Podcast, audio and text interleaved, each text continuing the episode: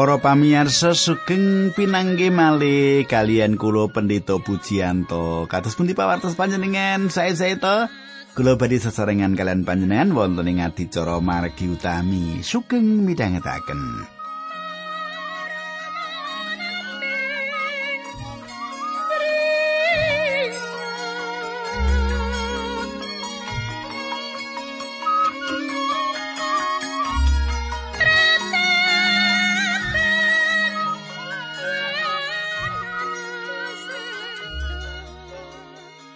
Panjenengan pirsa ing pepanggihan kepengker tasih kemutan boten panjenengan kita sampun mangertos bilih nalika semanten Paulus nglairaken kados pundi piyambakipun tansah budidaya supados kesangipun saged dados keparengipun Gusti Allah nggih tasih kemutan menika nggih.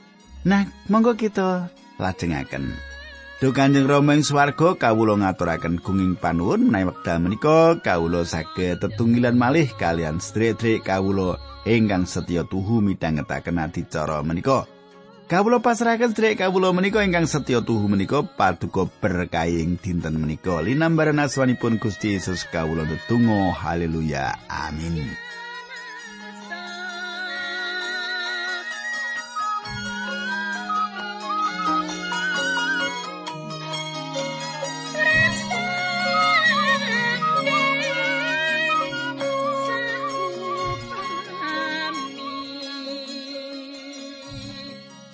Kadang kula ingkang kula tresnani kepengker kita sampun nyemak kalih Korinta bab gangsal ayat setunggal ngantos songo nggih. Kula rada cepet kepabangan kepengker menika wektale ra ana bahane akeh ra jamak-jamak nggih. Nah, para pamirsa, kita ugi badhe cepet ing dinten menika kula badhe nglajengaken nggih menika kalih Korinta gangsal wiwit ayat doso. Para pamirsa, kala-kala kita gadah gagasan Pilih kegayuan ingkang kedah saged kita gayuh inggih menika nindakaken satunggalipun perkawis ingkang ageng kunjuk Gusti Allah. Gitu? Gusti Allah paling pangandikan pilih panjenenganipun ngersakaken kita dados abdinipun. Menika kemawon ingkang dipun kersakaken. Kita purun boten dados abdinipun. Panjenengan ing pundi kemawon saged matur Gusti pundhut kula lan wangun kula lan jur kula lan paduka nindakaken atas kula samekawis ingkang paduka kersakaken.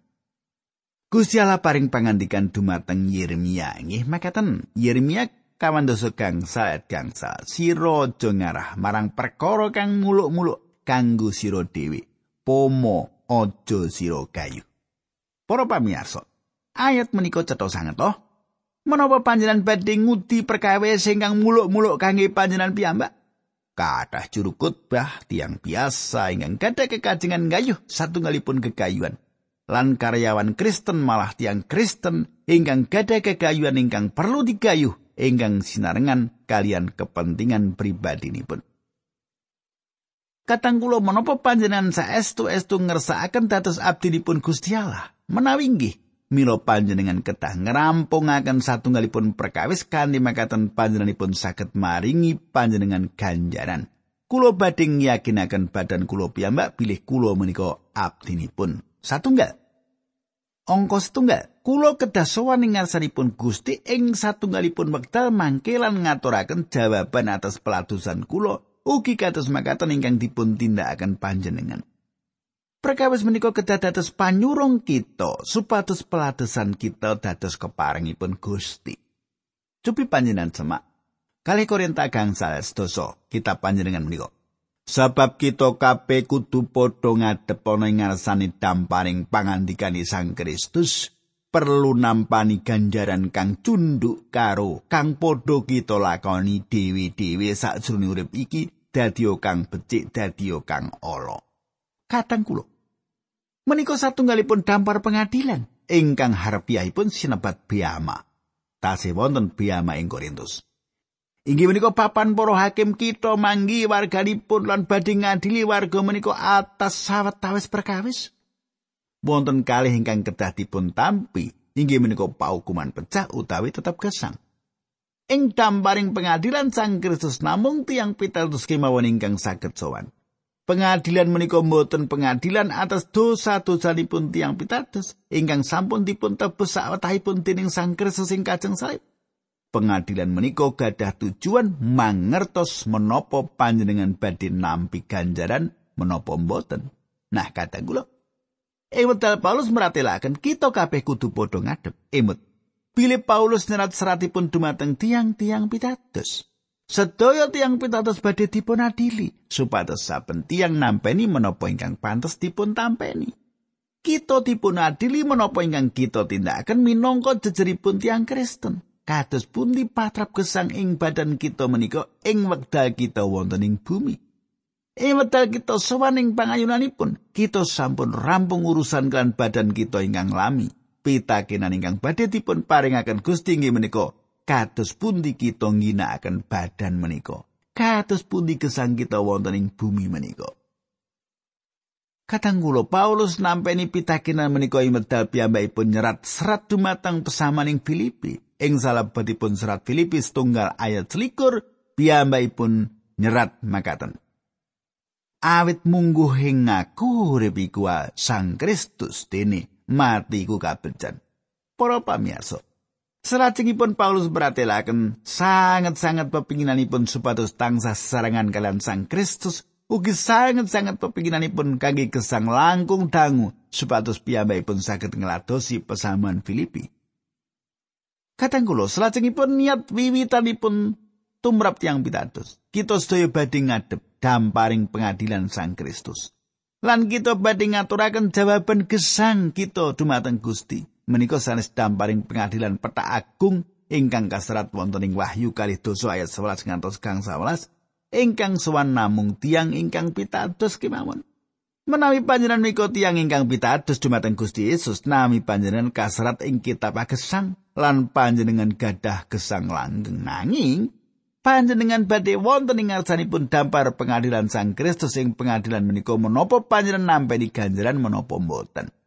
Panjenengan lan kula ngadep wonten ing ngarsanipun Gusti, kintenipun menapa ingkang kula aturaken menika dados pandering kita supados pelatusan kita dados keparingipun Gusti. E wedal kita sowaning pangayunanipun Gusti panjenenganipun badhe ngendika, "Apik banget penggaweanmu. He, abdi ningsun kang apik lan setya." Kaping kalih ajriasih dumateng Gusti nyurung kita kangge yakinaken tiyang. Ajriasih. Ayat 11. Kang iku sarene aku padha sumruping babet marang Gusti, mulane aku nguding yakinake wong-wong. tumrap Gusti Allah setiaku iku awis cetha lan pangarep-arepku uga mangkono tumrap kowe kabeh kadang kula panjenengan gatosaken tembung wedi kathah ingkang ngorehaken perkawis adri dumateng Gusti kita mangertos bilih adri dumateng Gusti inggih menika wiwitanipun kawicaksanan semak ulang bebasan songo ayat doso Salah setunggal watonan liberalisme inggih menika kita mboten perlu adri dumateng Gusti. Tiang liberal menika nggambaraken Gusti Allah menika tiang sepuh ingkang sumana lan saestu sabar ingkang saged panjenengan patrapi sak remen panjenengan. Liberalisme mucalaken kalenggan bapa secara umum lan saestu sabar ingkang saged panjenengan patrapi sak sekecalipun panjenengan. Liberalisme mucalaken kalenggan bapa secara umum lan pasederekan manungsa secara umum ingkang dados salah satunggal wucalan ingkang cacat ingkang sumebar ing jaman menika. Kita mboten perlu nyukani roti tiron dumateng tiang sanes. Kita mboten sisa mucalaken Injil ingkang dipun entengaken lan ingkang murukaken bingaken. Kateng kula, Gusti Allah kita menika Gusti Allah ingkang suci. Gusti Allah ingkang yaktos. Gusti Allah ingkang suci menika ingkang tresnani panjenengan. Gusti Allah ingkang suci menika ingkang ngersakaken milu jengaken panjenengan. Menawi panjenengan boten sowan dumateng Gusti Allah lumantar margi panjenenganipun marginipun Gusti Yesus panjenengan ketah ngadep panjenenganipun ing pengadilan. Kang iku sarene aku padha sumruping bab wedi marang Gusti, mulane aku nguting yakinake wong-wong. Kathah mimbar ingkang boten nate nyukani khotbah bab neraka. Namung khotbah babakan paukuman, sawetawis malih babakan pengadilan, akibatipun pengadilan Allah meh ical saking seratan aliran Protestan zaman samenika. Gusti Yesus paring pangandikan pilih panjenenganipun rawuh kangge madosi lan milu jengaken tiang ingkang kesasar. Kita kedah ajri dumateng pengadilanipun Allah. Kita perlu ngakeni bilih kita kedah tanggal jawab dumateng Gusti Allah. Kita lajengaken kalih Korinta gangsal ayat kalih olas. Makaten surasipun. Awit aku ora padha mecihake awakku dhewe meneh marah kowe. Nanging aku padha aweh margane kowe bisa ngegung-ngegungake aku kabeh supaya kowe bisa ngadepi para wong kang gumunggung munggo ing lair ora munggo ing batin. Katang kula. Kanthi tembung sanes panjenengan boten perlu anda tengaken geluduk lan bledek menawi panjenengan nglantaraken pangandikanipun Gusti. Nanging kita perlu ngakeni meratelaken kanthi cetha pilih manungsa menika sampun kesasar. Menawi kita ngelaraken pangandikanipun Gusti, kita mboten perlu ngalembono badan piyambak ingkang dipun kajengaken. Kita mboten perlu mbudidaya supados dados tiang misuwur. Kula kuwatos dumateng watak ngari-haring jaman. Kata sanget jaman samenika ingkang sinau kanthi saestu psikologi. Kados pun dados manungsa ingkang nyelarasaken badanipun kanthi sae. Katang kula, menawi panjenengan boten gadah Sang Kristus, boten nyelarasaken kajiwan ingkang panjenengan betahaken. Panjenengan menika tiang dosa ingkang paukumanipun wonten ing neraka. Lan panjenengan sawak lumampahing mriku ingkang panjenengan betahaken inggih menika Sang Kristus. Inggih menika pangandikanipun Gusti, boten sinau kajiwan. Manut Paulus ingkang penting dipun tindakaken inggih menika meratelaken sedaya dawuhipun Gusti Allah. Ingkang nyurung kula sami martosaken pangandikanipun Gusti Allah inggih menika pangaken kegayutan pengadilan Allah. Inggih menika perkawis ingkang kedahipun bangun warga gereja ingkang samenika kathah ingkang ngantuk. Dikutbahi ngantuk, ngira. Ayat 13. Sebab penawa ora bisa ngemputeni diri iku amarga saka anggon kunindakake ayaning Allah lan saupama bisa iku marga saka kowe. Kadang kula Paulus nindakaken sedaya menika kunjuk Gusti Allah. Utawi sawetawis tiang nginten Paulus nguwaosi badanipun, Paulus nguwaosi badanipun demi tiang-tiang menika. Angka 3 katrestan Sang Kristus nguwaosi kula sami. Kali Korinta bab kangsa ayat 18 ngantos kangsa was. Sebab biyo sih katresnani Sang Kristus kang mbedek marang aku kabeh awet aku padha sumurup menawa wong siji wis mati kanggo wong kabeh dadine kabeh wis padha mati. Lan Sang Kristus wis nglampahi sedo kanggo wong kabeh supaya wong kang padha urip uripe ora lumati marang awake dhewe meneh nanging lumadio marang kang wis sedo lan kang wis kawungake merga saka wong-wong mau. Kadang kula panjenengan katosaken kang merek aku kabeh. Inggih menika satunggal tembung ingkang sampun dipun salah mangertos. Ingkang dipun kajengaken inggih menika sih Sang Kristus nguwaosi utawi nyancang kula sami.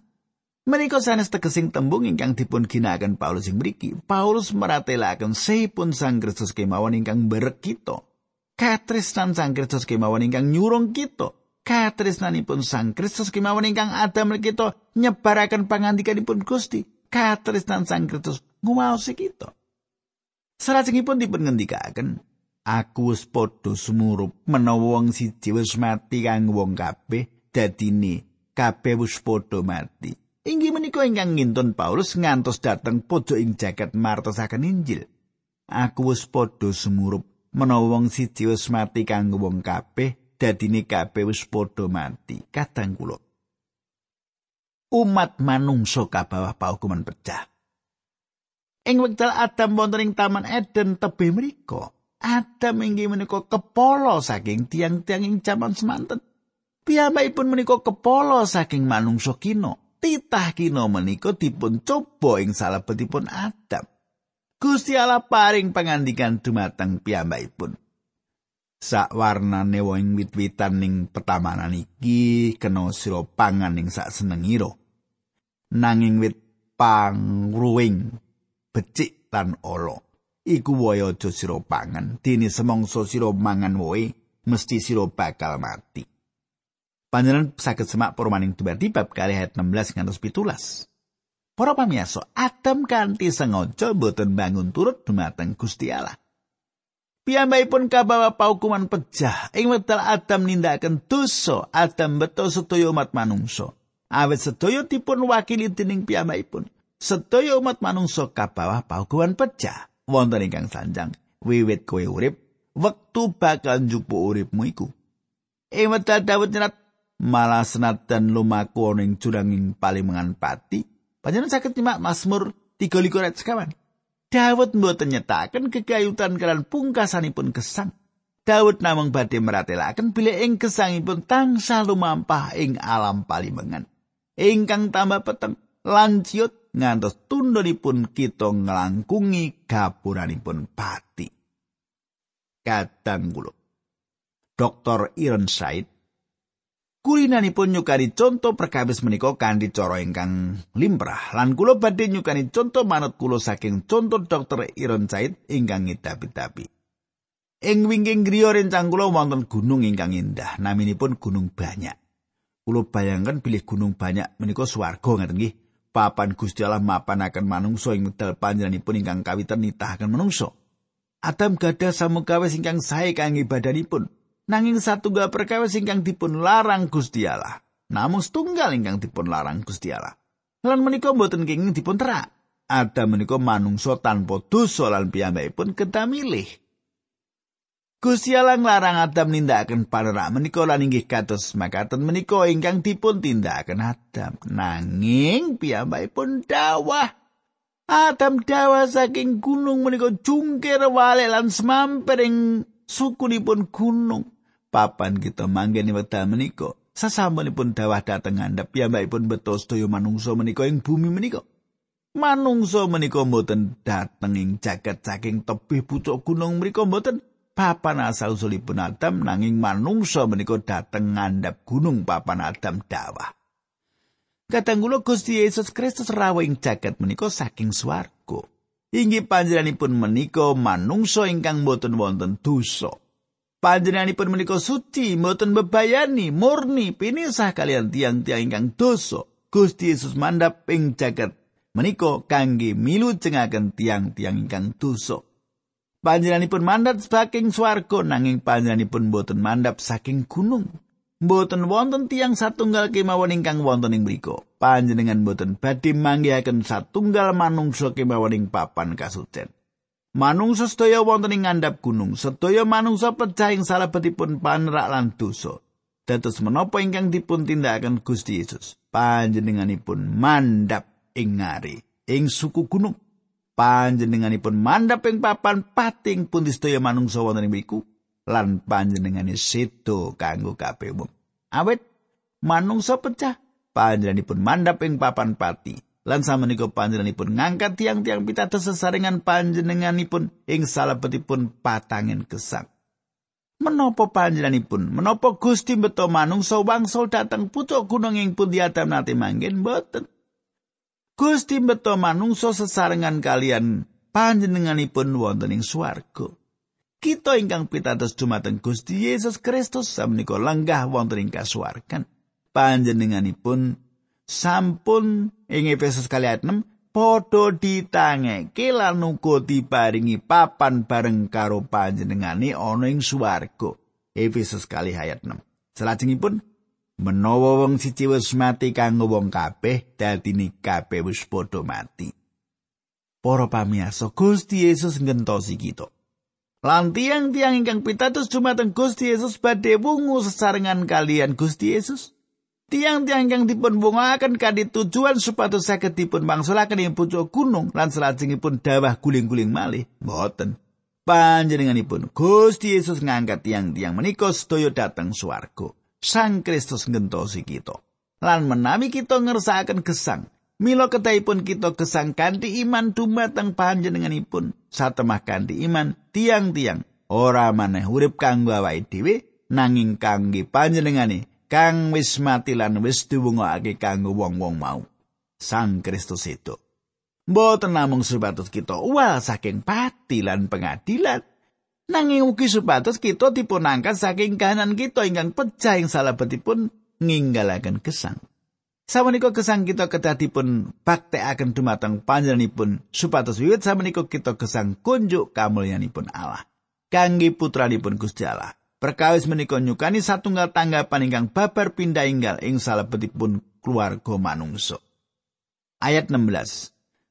Mulane wiwit saiki aku ora padha mbobot sawiji-wiji wong maneh manut ukurane manungsa lan menawa aku wis padha tau mbobot Sang Kristus cara kedagingan saiki aku ora padha mbobot panjenengani kanthi patrap pengkono meneh.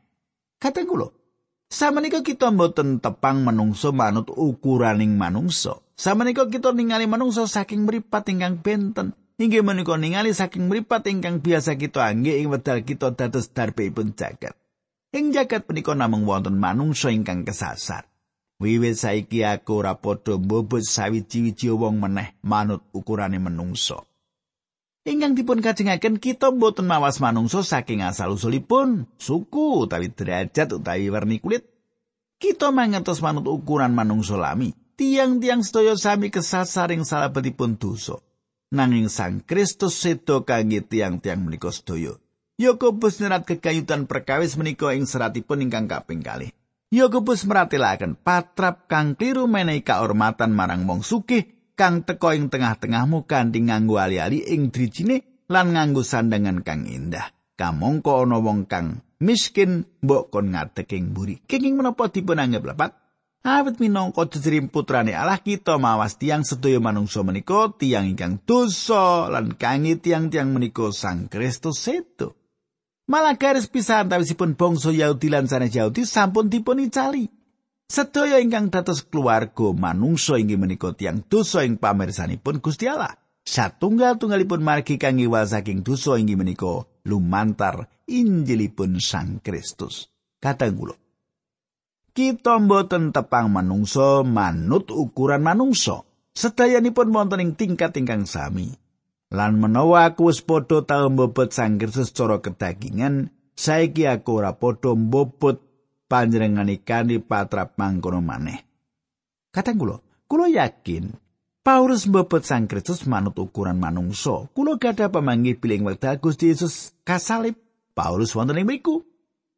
Kula mboten yakin bilih tiyang Farisi ingkang pinteripun ngitapi-tapi menika mboten wonten ing Yerusalem ing wekdal Gusti Yesus dipun salib. Gusti Yesus Kristus gesang wonten ing jagat langkung saking sewu sangatus tahun kepengker. Panjenenganipun lair ing Bethlehem, dipun agengaken ing Nazaret, gesang ing Galilea, miwiti pelatusan ing Kana Galilea, tindak dateng Yerusalem, sedo ing kajeng salib ing mriku, dipun kubur ing sakjawinipun kita ing kuburanipun Yusuf. Wungu ing dinten kaping 3 ngatingalaken badanipun dumateng tiang-tiang pilihanipun minggah malih dateng swarga. Kita mboten malih tepang panjenenganipun minangka tiang Galilea kadang kula. Mboten wonten malih tiang Galilea wanci menika kadang kula. Ing dinten Natal, kathah tiang ingkang ngawontenaken wisata dateng Bethlehem. Papan menika kebak sanget tiang ingkang dumugi mriku. Menapa ingkang dipun padosi?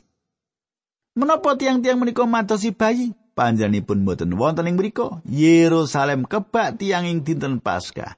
Gusti kita ingkang bungu boten wonten ing mriku. Kita boten malih mbobot Sang Kristus manut ukuran manungsa. Katenggula monggo kita ndedonga. Duh Kanjeng Rama ing swarga. Kawula ngaturaken kuing panuwun menawi wekdal menika kawula saged tetunggilan kalian sedherek kawula lan sampun ngedum berkah paduka. Nyuwun dipun berkahi malih supados menapa ingkang abdi paduka aturaken menika migunani kangge kesang imanipun. Dinambaran asmanipun Gusti Yesus Kristus kawula netunggal. Haleluya. Amin.